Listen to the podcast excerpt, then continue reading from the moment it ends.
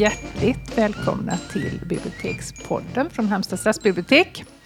Eh, Elisabeth på min vänstra sida som vanligt, men mitt emot oss sitter Kalle Lind, Ja, dagens jag. gäst. Du är jättevälkommen. Detta tackar jag för. Varför är du här i Halmstad? Det är för att titta på korven. Den Ja, 25 meter höga Just medvursten. med temperaturen ser man där också. Ja, Det är ja ju visst. även en- Och det är väl ja. både klocka och temperatur. Ja, allt man man, ser ju den alltid när man kör förbi här. Jag bor i Malmö och det händer att jag tar mig till Göteborg. Så Mm. Brukar jag försöka stanna till och njuta av Halmstads landmärke. Ja. Men tycker inte du att, trå- att den är liksom inbyggd nu? Det tycker jag är lite ledsamt. För innan så stod den mer som en solitär. Nu är den inbyggd i huset. Det Ja, jag tycker det är djupt tragiskt Ja, lite så. Ja, Men ändå. starta Det en smärtar mig. stödgrupp. Stå upp för. Fria korven. Ja, det är bra. Ja, Bortsett från korvskådandet. Ja, så var det för att ni bjöd in mig. Mm, Så precis. det, det, här skulle, det är en konstig fråga av dig att ställa. Det Ja, borde ju du vet. veta varför Ja. jag är här. Jag ska eh, prata här på Halmstad bibliotek om eh, en bok jag har skrivit. Jag kommer förmodligen att prata om andra saker jag har Mm. gjort också. Det brukar bli så. Jag är lite associativ när jag... Ja. Nej, men vi tror att det är en ganska stor publik som sitter och väntar på dig just nu. Oj! mm. Vi har hört flera kollegor, de har bytt schema och krånglat och Ja. stått upp från sjukbäddar och allt möjligt för att kunna vara här ikväll. Jo, det är sant. säkert. Jo, det är säkert. Nej, det, jag generad. Ja, det syns inte i radion. Eh, Men den här boken då, din senaste, hur fick du idén till den? Den heter 88 böcker som du inte behöver läsa. Ja, men jag har skrivit en, eh, ett gäng böcker. Jag var tvungen att räkna häromdagen. För det var någon som påstod att det var en viss summa. Och så stod det med att jag inte visste summan. Så då fick jag sätta mig och räkna. Och jag tror att det här är nummer 15. Eh, snyggt. vilket var faktiskt fler än vad jag mindes. Eh, och många böcker jag har skrivit har varit i någon sorts genre. Som, jag, jag vet inte vad vi ska kalla det. Någon sorts journalistiskt kåserande genre. Jag tar reda på saker som jag är, tycker är lite kul. Särskilt om saker inom svensk eh, nöje, nöjes och offentlighetshistoria. Jag är lite intresserad sådär av gamla sossegubbar och sånt. Och eh, jag- känner att det är ingen annan som är det. Jag har fått ta det på mig. Och så har jag skrivit böcker som heter sånt som Människor det varit synd om eller 52 festliga riksdagsledamöter. eller eh, så. Och då har det varit liksom centrerat kring liksom, människor då. Gubbar, om vi ska vara helt ärliga. I första hand. Och eh, så har jag sen Alltså kände jag väl någonstans att jag nått vägs ände. Men den, jag försökte hitta liksom en, en annan ingång för att egentligen skriva om samma saker.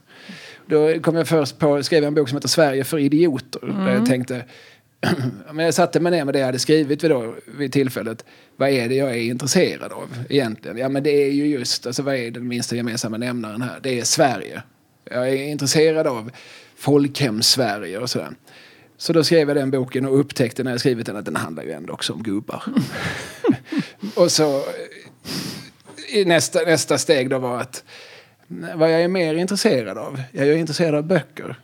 Och eh, så då blev det den här som också handlar mest om gubbar. Men du, när du valde ut de här 88 böckerna som du tycker, men hur, hur gick du tillväga då? Liksom, hade du några sådär från början som du tänkte att, nu tar jag din fråga här. Ja. Ja, jag blev så, men jag kör på med den. Eh, Ja, nu har du börjat. nu har jag börjat. Eh, Jag gissar att du kanske hade några böcker som du redan innan hade tänkt på. "Gud, Vad är det här? Men hur gick du? Liksom, hur gjorde du sen då? Jag har skrivit faktiskt, när jag har skrivit om de här gubbarna tidigare, när jag har skrivit om Birger Schlaug så har jag såklart tagit upp hans memoarer. Där, där, han ju, vi känner till det, han beskriver hur han ligger med en ung vacker kvinna på en strand natten innan hennes bröllop. Det är en Birger Schlaug som alltså vid tillfället var språkrör och eh, alltså potentiell statsminister i Sverige. Han valde ju ut den boken. Alltså jag, jag har redan liksom varit inne på ett gäng böcker som jag tycker är, är knasiga. Alltså det är, jag skriver om sånt som har hänt och som eh, jag tycker att det pratas för lite om. Jag har redan liksom tagit upp Börje Ahlstedts memoarer i en tidigare bok och sådär. Men, men visst, det fanns ju såklart några stycken som jag kände att de här behöver väl någon eh, utreda lite grann. Jag hade kanske Ricky Bruchs diktsamling och även Ricky Bruchs memoarer. Alltså, De som heter Gladiatorns kamp. eh, sanningen, nej, dramat bakom sanningen, bakom rubrikerna om en ännu levande legend. oj, oj. En väldigt fet underrubrik. Men det är helt i linje. Det är 600 sidor. Fullkomligt oredigerad text. Eh, nej, men, så det fanns ju några sådana och sen hade jag hört talas om några böcker som... Men hur har du rent fysiskt hittat dem? För att det här är ju... Alltså vi har ju läst och bläddrat i din bok. Det här är ju böcker som inte finns kvar på nästan några bibliotek för att de är för Nej, det är väl det här Janne udda. Josefsson gjorde ett helt sommarprogram om. Att, att ni bränner alla, alla era böcker. Ja, nej, den diskussionen kanske vi inte ska ta. Men det är ju böcker som tiden Nej, ändå det är har en diskussion sprungit som inte heller ifrån. Janne Josefsson borde ha tagit. Nej, Eh, precis. nej, men eh, jag... Hur hittar du dem? Ja, men jag, jag gör ju det. Det är det jag gör. Hittar det du grejer. gör, Det är ja. det jag ägnar... Alltså den tiden när andra människor har riktiga jobb så står jag ju och gräver i, i loppislådor och sånt. Ja, ja. Sen har jag ju såklart också byggt upp ett kontaktnät av människor som gräver ännu mer. Jag, jag har en eh, bekant i Malmö som alltså verkligen bokstavligt ägnar sitt liv åt samlande. Han bor i en femrummare utan familj och den femrummaren är från topp till tå, från golv till tak, täckt med dansbandssinglar och Edvard Persson minnestallrikar och sånt som ingen annan vill ha. Nej. Han har liksom upprättat någon sorts museum. Jag hoppas den dagen han faller ifrån att, att det faktiskt ska bli ett museum. Men eh, så att jag har lite sådana bekanta som, som gav mig lite tips och sådär, lite ingångar. Sen brukar det ena ofta ge det andra. Alltså det är, nå det är en väldigt jag ska säga, icke-metodisk, Men dynamisk du, du menar att du har process. öppnat en blick för det här? Ja, ja, det har jag gjort. Ja. Alltså har jag någon form av yrkesfärdighet så är det att jag tränat upp någon sorts öga. Och jag, jag vet ungefär ibland nästan liksom instinktivt, intuitivt att mm, om jag hittar en om jag hittar en, en debattbok från 1970 så vet jag att i, i den texten så kommer de att hänvisa till något annat som oj det här verkar knasigt. E- Ett, ett av de bästa fynden jag någonsin gjort och som jag då har skrivit om tidigare så den kommer inte med i den här boken då. Men det är Henning Sjöströms bok Det glatta livet. Henning Sjöström var ju som ni vet, men som kanske inte alla lyssnare vet, eh, stjärnadvokat, kändis, jurist och dessutom operasångare och buddhist och eh, premiärlejon. Eh, en mycket expansiv man. Och han, under, när han hade sin stjärnkarriär som jurist och hade alla liksom stora mål och sådär. Det var han som lärde upp Leif Silbersky.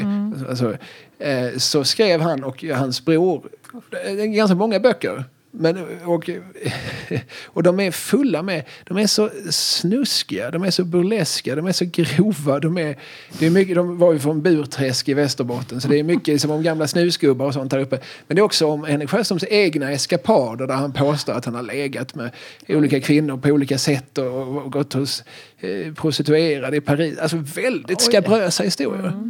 Och den boken, d- d- jag börjar berätta om den här för att den hittar jag genom att jag läste Bo Strömstedts memoarer. Bo Strömstedt som då var chef, Expressens chefredaktör under deras guldår. Eh, och som alltid var i luven på Henning Sjöström. Han, han, han skriver om det här och, då, och när han börjar berätta om den här, för, för det där ledde till någon tv-debatt och sånt för att han var arg på Henning Sjöström. Så förstår man, vad är det här för en bok? Har Henning Sjöström skrivit den här boken som Strömstedt Ja. lite snabbt hänvisar till? Och på det viset, alltså det här är så jag ganska mycket arbetar. Ja. Jag läser någonting, jag tar någonting lite på måfå och sen så öppnar det ofta en dörr in till någonting annat.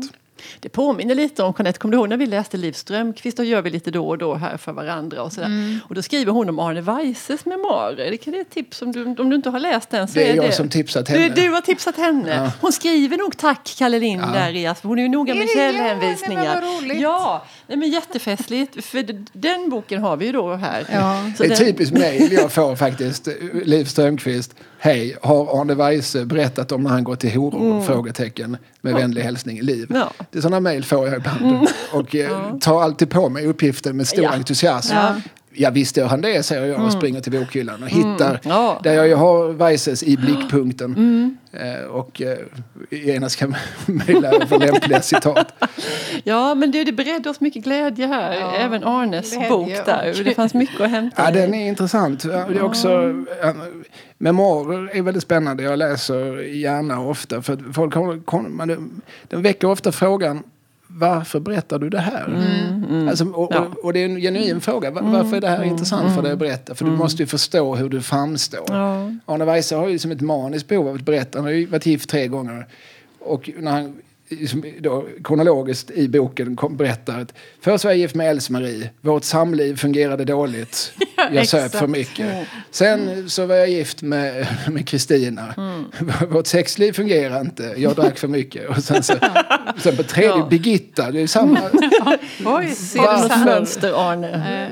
och, och, och, och det är väl bra att Arne har sett det mönstret. Kanske lite för sent då uppenbarligen eftersom han är skild tre gånger också. Men varför berättar han det för mig? Det, och det är verkligen en fråga som, som jag är genuint intresserad av. Varför berättar som Bertil Taube som en lustig, festlig anekdot om och han går till en, en prostituerad kvinna i, i tonåren och får flugor i trumpeten och eh, får skriva in sig vid universitetet för att eh, på så vis eh, komma i åtnjutande av fri läkarvård. Varför berättar han den historien för mig? Dessutom var hans mor då, Astrid, inblandad på något vis i det här inskrivandet. Va- va- varför är det Nej. viktigt för Sven-Bertil att, att, att, berätta sprida till oss. världen? Nej. Vill han eh, förstöra bilden av sig själv? Eller vill han liksom visa att "Nej, men jag är inte bara gentleman, jag har andra sidor också? Eller, eh, för det, och det här är någonting som jag har ägnat ganska mycket tid och kraft åt att fundera på. Ofta finns det någon, liksom, någon koppling mellan att man ska vara öppen och också något förtäckt skryt. Ja, tänker jag på något sätt. Att man exakt. ändå är lite stolt fast man vet att det här är lite smutsigt och kanske inte helt Mm. okej. Så finns det ändå något. Ja, sen så är det ju generationsfrågor. Alltså för Sven-Bertil, som när han berättar där är det ju dessutom 60-70 år sedan det har hänt. Och eh, för honom är det kanske, det, det är bara liksom lite lustig anekdot att han, jag var tvungen att skriva in mig på universitetet. Så fattig var jag för, för att kunna göra någonting åt det här, den här dröppeln. Eh, Men, han, men det är också symptomatiskt att han skriver inte en, en rad om undrar hur det var för henne. Nej, exakt. Låg hon också och kliade sig någonstans? Det är inte en fråga som är aktuell för Sven-Bertil. Nej. Nej, och inte heller för Arne Weise. Nej, jag tror inte att hans fruar var helt nöjda med, med den. Men vi har ju som sagt bläddrat och fnissat åt din bok och har eh, personliga favoriter. Eh, Vet Ja. du, Elisabeth? ja, men jag tyckte det här Kickis glassiker tyckte jag var en liten pärla där. Mm. Det var glasskulor med frukt och utan frukt och gör en Den är våffla, inte alldeles inspirerad. Det är den inte. Man ser ett mönster i de recepten. Ta glass och tillsätt någonting annat. Ja, gör en Undrar hur våffla. många upplagor den sålde sig. Nej, Men jag tror att någon kanske blev kär i det här glassiker, att det var så himla Ja. roligt. Kanske. Jag, Ja, men det har ingenting med Kikki att göra. Jag, jag, är ju mest upphängd på att, för att hon hade precis kommit ut med Papaya Att Coconut. det inte fanns kopplingar. Att Ja, ingenting... hur jag kunde nog missa det. Mm. Det var en hel bok med Kikis glassrecept. Där är recept med papaya, där Ja. är recept med kokos. Men Ja. ingen har kommit på att vi kan ju slå ihop det här och få en grej. Ja, nej, men det här är, vi kan väl kalla det cash-in-litteratur. Eller så här. Alltså, det fin- finns ju ganska mycket sånt, många kokböcker får väl sägas vara sådana. Det, det här- kanske inte alltid har skrivits i hjärteblod. utan ibland så har det kanske, kanske inte ens skrivits av den som har satt sitt Nej. namn på omslaget. Nej. Nej. Eh, Och där, då kan mycket lustigt och märkligt dyka upp. När någon snabbt har försökt, vi måste prångla ut någonting här. Det här namnet är hett nu. Vad, vad kan vi göra kring det här? Eh, ja, vi kör glass. ja men glass, ja. vad gillar du Kiki? Ja, jag gillar väl glass. Glass, glass, där har vi det. Så kan man Ja. tänka sig att hela boken kanske blev till på en eftermiddag. Det är som inga bilder i boken på hur Kiki äter glassen. Jag tror bara hon var med vid själva omslagsfotot. Okej. Det är bara liksom... Ja, men min favorit då, eh, eller, nej, men jag hade flera stycken. Bland annat den här med de här eh, byråkraterna som Byråkrater berättar. lustiga händelser. Ja, som den, var den så är ganska lätt att få tag på. Ja, nej, fruktansvärt poänglöst. Men i alla fall eh, slagen av eh, bildiktator. Ja, det är intressant. Jag tog med den. Jag, Han heilar på framsidan Ja, och den är utgiven 1938. Det är Ja. helt skruvat. Jag tycker det är väldigt spännande att fundera på. Alltså bilden förskräcklig vi känner väl vår generation till. Jag är nog den sista generationen som har någon Antagligen. relation. Eh, Men eh, under 1900-talet, Rich- Richmal Crompton hette hon som skrev de här brittiska om en buspojke. Och eh, man kan ju se då, om de gav sig ut från 20-talet till 50-talet, så ser man ju, och det, det är ju också, därför är alltid masslitteratur är intressant att titta på. För är den, tidsmarkörer. Väldigt tydliga tidsdokument. Och man ser hur de hela tiden står med ett blött finger i luften. Vad är, vad är inne nu? Vad är ungarna intresserade av nu? Så därför finns det ju liksom bild när han på 50-talet så, så kommer ju poppen. Då börjar han träffa lite popband och han börjar träffa också lite rymdvarelser. Science fiction Ja, var ju väldigt stort på precis. 50-talet. Åtminstone tror han att han gör det. Eh, Men på 30-talet, ja, vad var inne då? Ja, det var ju uppenbarligen nazism. det var väl det som var hett på 30-talet. För att då är ju bild av diktator. Och ja, mycket riktigt heilar han på omslaget. Sen, ska jag säga, sen läste jag ju boken. Där finns ju ingenting i boken som anknyter till detta. utan, utan det är bara ännu mer cash in. Att man i sista sekunden, vi måste, måste döpa, vi måste ha ett I omslag. tiden. Ja. Vad- Men var det bara den svenska titeln eller hette den även så på engelska? Den, nej, den heter så på engelska också. Okej. Ja. Och det är också, de köpte även omslagen. Alltså så omslagen Ja, ja, är, det- är ja. brittiska original. Annars är det ju vanligt att man har haft eh, te- nya tecknare när man har översatt. Men inte i fallet Bill. Men du, vad blir nästa bokprojekt? Ja, det är en samvetsfråga. Det, det, det, jag har skrivit kontrakt för en bok som ska heta Svensk humorhistoria. Åtminstone står det så i kontraktet. Jag tror att den kanske ska heta eh, Nöjesarbetarna eller Underhållsarbetarna. Eller så. Det, det, för det kommer att bli, om det någonsin blir av, jag har inte kommit så långt som jag borde, eh, en bok om människor i eh, showbiz under svenskt 1900-tal. Eh, de som eh, vi minns, men jag kanske anser att vi minns fel. Alltså, som folk har lite fel bild av. Eh, och inte minst... menar du, jag måste fråga, menar du fel liksom att de var för...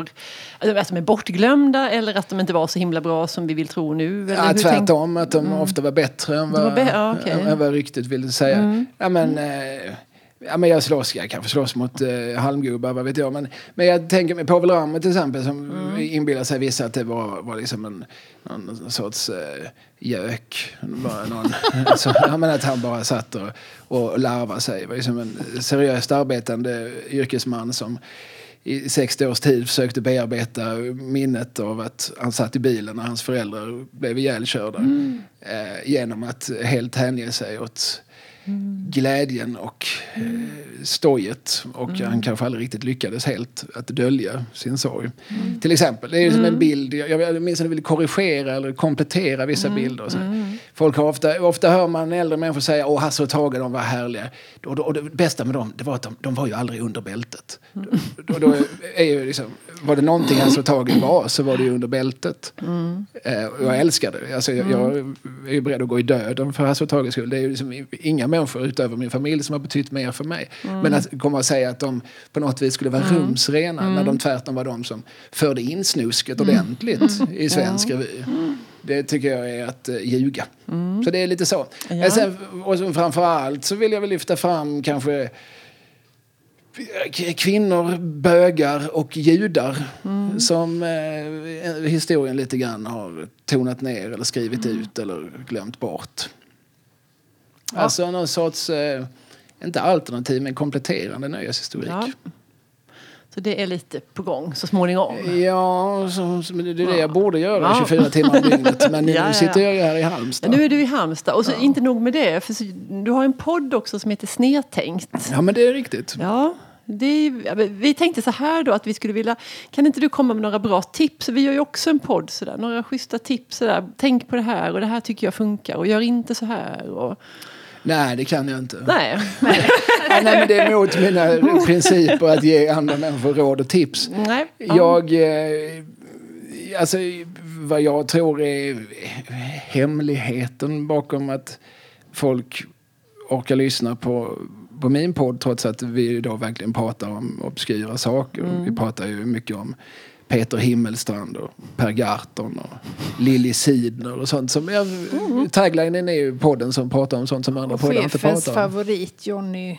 Johnny Bode. Borde, ja. Ja, just det. Ställ en fråga om Johnny Bode. Ja, honom har vi ju nu för tiden. Nu, honom pratar ju folk om nu för tiden. Johnny Bode, folk har pratat mer om Johnny Bode de sista åren än vad- det gjordes under hans, hans egna Men sista år. berätta om, om någon lyssnar och inte hänger med här på Vad är detta grejen Johnny Bode. med Johnny Bode? Alltså Johnny Bodes levnadsöde är så fascinerande. Han föddes eh, 1912, dog 1983 och han var under den tiden, alltså det som hände, vad förknippar vi 40-talet med nazism? Ja, då var han nazist. Vad förknippar vi 50-talet med kalla kriget? Ja, då var han öststatskommunist. Vad förknippar vi 60-talet med sexliberalism? Ja, då skrev han, gjorde han den första svenska porr-LPn och var- jag tror han var till och med den första att skriva en porrbok. Eh, Alltså han, han var alltid där. Alltså han var en Forrest Gump. Han var som Forrest Gump fast på riktigt. Sen var han ju dessutom då eh, mytoman och eh, narkoman och alkoholist och eh, en, hade som en osannolik förmåga att så fort det gick bra för honom och det gick jävligt bra för Johnny Bode för han var extremt begåvad. Han var, han var ju kompositör. Det, det var ju det han var bra på. Han hade ju ett, ett melodisinne i, i, i klass med Jules Sylvain för, för att ta en annan mossig referens. Men, men, men eh, Jules Sylvain har ju skrivit alla sådana, En enkel tulipan och sånt som folk faktiskt känner till. Eh, men trots, och så gick det hela tiden jätte, jättebra för Johnny. Ja. Man kan se där, det går så otroligt bra för honom. Och sen gör Johnny någonting riktigt, riktigt dumt. Och sen går det dåligt för honom. På 30-talet är han kompis med Hasse Ekman, som alltså är son till Gösta Ekman den äldre, som är vid tillfället landets högst uppburna skådespelare. Ja. Eh, och Hasse Ekman är ju också liksom en, en sån här liksom, eh, ung påläggs... Det kommer ju gå bra för honom också. Och de, de hänger och de skriver låtar ihop. Vad gör Johnny Bode då? Jo, han stjäl familjen Ekmans bordsilver. Pantar det. För att han Kan inte låta bli. han behöver, nej men det är ju verkligen så. Men Alltså, han, någon idag hade han ju fått en diagnos. Han fick jättemånga diagnoser medan han levde också. Han blev också, Också. tvångssteriliserad. Han är väl den enda namnkunnige som blev det. Oj. Bland, vad det nu var, 60 000 människor som fick sina, sina sädesledare avklippta i, i Sverige. Men, men eh, han är väl den enda som vi känner namnet på. Så, så att det var han ju också med om såklart. Men, men eh, nej visst, han fick en massa diagnoser men han fick kanske inte så mycket förståelse. Nej. Han var nog också väldigt, väldigt, väldigt svår att ha att göra med eftersom han stal och, och skröt och bedrog. Men eh, han hade förhoppningsvis mötts med en annan sorts förståelse. Men ja, det är, att inte fascineras av Johnny Bode, det är ju omöjligt skulle jag säga. Och det har ju kommit i år då, 2017, har det kommit en dokumentär om honom också som går på bio i detta nu. Och, så. Eh, och det finns ett väldigt levande Johnny Bode-sällskap. Jo, de har ju ett jättelustigt pris. Ja, de delar ut ett pris varje år till, eller ett stipendium är det kanske. Det, det finns både, sen finns det ju också ett gammalt... Ja, nej, men då- det är båda jag tror det är delarna. priset. Ja. För det är en helt annan grupp som delar ut ett pris som är mycket mer seriöst. Ja. Men Johnny Bode-sällskapet, de delar ju ut varje år till någon som likt Johnny Bode har skjutit sig själv ut ur media. Så det är ju Marcus Birro och Mona Sahlin Mm. Ja, ja. och. Kringland Svensson och uh, Micke Brinkenstierna och sådana som har fått det. Alltså folk som, som, som har funnits i, eh, liksom i, i, etablissemanget men som själva på något vis har antingen supit eller eh, gjort någonting annat dumt så att de har hamnat... Och då gör de ju så att de, Bodesällskapet de samlas och så super de och sen skickar de eh, kvittot. Alltså, det, här, här, det här är de pengar som vi har druckit upp till din ära. Räkningen helt enkelt. Ja, det, det är inte räkning. Det är inte så att den stackars De pristagaren behöver betala. nej, nej. Utan de gjort. får liksom notan. Ja. Till din ära. Ja, och så får man också ett par, par vita handskar. Ja. Kära någon. Ja, Elisabeths favoritfråga. mm, men det får du. Ska jag ställa den? Det tycker jag. Det tycker Ja, du? men det Ja, är din din fråga. favoritfråga. Det är klart Ja, att det du ska ställa dig, den. Ja. Ja, nej, men jag tycker det är så kul att höra sådär. En bra dag på jobbet, Kalle Lind. Vad, är- liksom, hur ser det ut? När kommer du till din rätt? När känner du sådär att ja, men det här är en bra... Jag är frilansande kulturarbetare. Så att en bra dag skulle jag säga att då gör jag någonting färdigt. Jag kanske skriver en krönika eh, för någon tidning. Jag skriver i Sydsvenskan och i Expressen ibland. Och, och, och eh, Faktum skriver jag i, i gatutidningen och, och sådär. Och eh, sen kanske jag... Eh, så kanske det är någon som ringer och frågar om jag vill göra någonting. Så att jag får liksom ett inkommande jobb. Och sen så kanske jag eh, också hinner pyssla med ytterligare något löpande. Alltså en bra dag är en dag när jag känner att jag får saker gjort men också att eh, det, det går framåt. Sen eh, finns det vissa saker som jag tycker är väldigt lustfyllt att göra. Eh, Till exempel klippa podd. Ni, ni gör kanske inte det, men jag klipper mina... De här snedtänkt-samtalen brukar kanske vara en och en halv timme som jag försöker få ner till en timme. Plus att jag spränger in väldigt mycket, som det heter på radiolingo, illar, alltså ljudillustrationer. Eh, så pratar vi om någon, någon gammal eh, obskyr tango så vill jag kanske att man ska Ja, få höra några sant. takter av Ja, den. Och, så. ja. och det sitter jag och petar rätt mycket. Nu har jag lagt ut det på entreprenad men jag kan ändå inte låta bli att... För det, just för att det är väldigt... eh, Det, det är stimulerande för att man å ena sidan kan göra det lite... Det är lite meditativt. Men du, hur är det med På spåret? Får vi se dig där igen? Ja, idag är det torsdag, imorgon är det premiär. Ja. Ja, och då får ni se mig. Är det sant? sant? tittar. Nej. Nej men gud vad roligt. Ja, men jag visste faktiskt inte det. Nej, nej, men nu vet du. Ja. Nu vet jag. Jo, nej, men sen vi gjorde lite spaningar här innan vi träffade dig. Och då så läste vi att det här med Eslöv är en liksom, du är uppvuxen i Eslöv. Ja. Ja, och sen så upptäckte vi att flera av våra andra idoler också är från Eslöv. Johan Alltså, Glans och Alice. Timander. Ja, Ulla Billqvist alltså, som Jajamän. sjöng Min soldat Ja. samt Erik Penser. Det är de vi brukar Ja, skryta med. men du, vad är det med myllan i Eslöv då? Ja, men det som- är också, för Eslöv har ju blivit utnämnd, utsedd till Sveriges tråkigaste stad. Inte bara en utan flera gånger tror jag. Ja, Och så jag kommer pratade om det här därifrån. i mitt eh, sommarprogram faktiskt. Det, det, jag fick äran att sommarprata i somras och eh, då hade jag som tema Eslöv och döden. och eh, jo, men storyn som jag har förstått det, det, det fanns en man som hette Hans Ostelius som var känd på 50, 60, 70-talen. Han var eh, upptäcktsresande, eller han var eh, globetrotter. Och han åkte runt i sven- svenska byar och visade sådana här skioptikon eller diabilds så här ser det ut. Så här ser, som man sa på den tiden, en neger ut. Så, ja, så, så, så satt ju folk och tyckte det var fantastiskt. Det var så liksom den stora världen kom till många svenskar. Och han eh, var sådär känd för att vara lite frispråkig och lite salt i sitt sätt att uttrycka sig. Och, sådär. och han var gäst i ett Lasse Holmqvist-program på 70-talet. Och eh, då frågade Lasse Holmqvist, Hans Ostelius, du som har varit ute och sett hela världen, vill du inte åka till månen? Nej, för fasen. Det är ju lika tråkigt som i Eslöv. Det Sa är då Hans blev. Och då blev det ett jävla liv i Eslöv. Ja. Så när Hans Ostelius några år senare eh, på nytt var hos Lasse Holmqvist så tog Holmqvist upp det här och sa att senast du var så pratade du räligt om Eslöv. och då sa Ostelius, sa jag Eslöv? Jag menar Landskrona. Men det är det ingen som minns. Nej. Nej. Nej, det har satt sig. Ja, nej, men så att jag, tror, jag, jag tror faktiskt, jag har aldrig hittat någon officiell utnämning. Eller så här, För det är väldigt vanligt att folk tror det. Alltså, Ja. där- där- Ja, men det trodde jag. När man säger det till folk, jag är från Eslöv. Ja, det är, väl, det är väl Sveriges tråkigaste stad. Som om det vore liksom ett faktum. Ja, som om någon hade räknat ut en tråkighetskoefficient. Ja, precis. sätt. Så här, alltså, som, Hur mäter man det? Så här många tråkiga hus finns det. Så här många gråa byggnader. så här är lite det, finns det att är göra en det onsdagkväll. helt orättvist?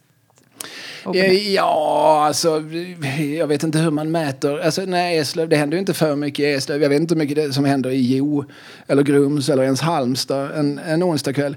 Eslöv har ju fördelar jämfört med kanske Åmål eller eh, Sollefteå. Att eh, det ligger ganska nära. Det är 30 minuter till Lund, 28 minuter till Malmö och 45 minuter till Köpenhamn. Vilket ju vi märkte när man växte upp där så hade man ingen, behövde man inte vara i Eslöv. Man kunde åka till Lund. Nej. Och det, så vi var ju ändå privilegierade på det sättet. Men nej, det, det är klart att det inte är så skoj i Eslöv. Folk flyttar ju inte dit för att eh, de ska dansa samba. Utan de flyttar ju dit för att det är så bra äldreomsorg. Billiga hus. Ja, det, det är det ju. Alltså, man, man kan ju bo i Eslöv och jobba i Lund. Det är väldigt många som gör det. De upptäcker, folk som får jobb i Lund upptäcker vänta, om vi bara flyttar dit så, så sjönk priset med två miljoner på huset och vi får bättre äldreomsorg. Det är ju bra om vi ska ta hit mor och far också. Eh, Ja, men jag tror lite att Laholm har varit lite sådär också Sveriges tråkigaste. Så det, de har ju Björn Hellberg. ja, det är väl det. Ja, och Nore Norold. Ja, ja, Ja. absolut. Laholms Nore. Ja, visst. Ja. Har du skrivit om honom också? Nej, jag får ofta påstötningar. Ja. Du borde göra någonting om Nore Norold. Ja. Men, men vissa är så... de är nästan liksom för självskrivna för att det ska vara så kul. Mm. känns inte som att jag kan hitta någon särskilt originell vinkel. Det är nästan, nästan för lätt. Ja, för så kan det också vara. Ja, det du jag nu, kan känna så ja. ibland. Alltså, framförallt vill man hitta vissa saker själv. Mm. Det ligger ju i och, och, och, liksom nördens eller vad jag nu är, natur. Att, Mm. att man, nej men det här är min grej. Jag har, det här har jag själv en relation till. Ja. Det är mycket svårare när någon kommer och berättar, det här är en bra anekdot. Kolla på Ja, det är säkert bra men, men eh, Nej.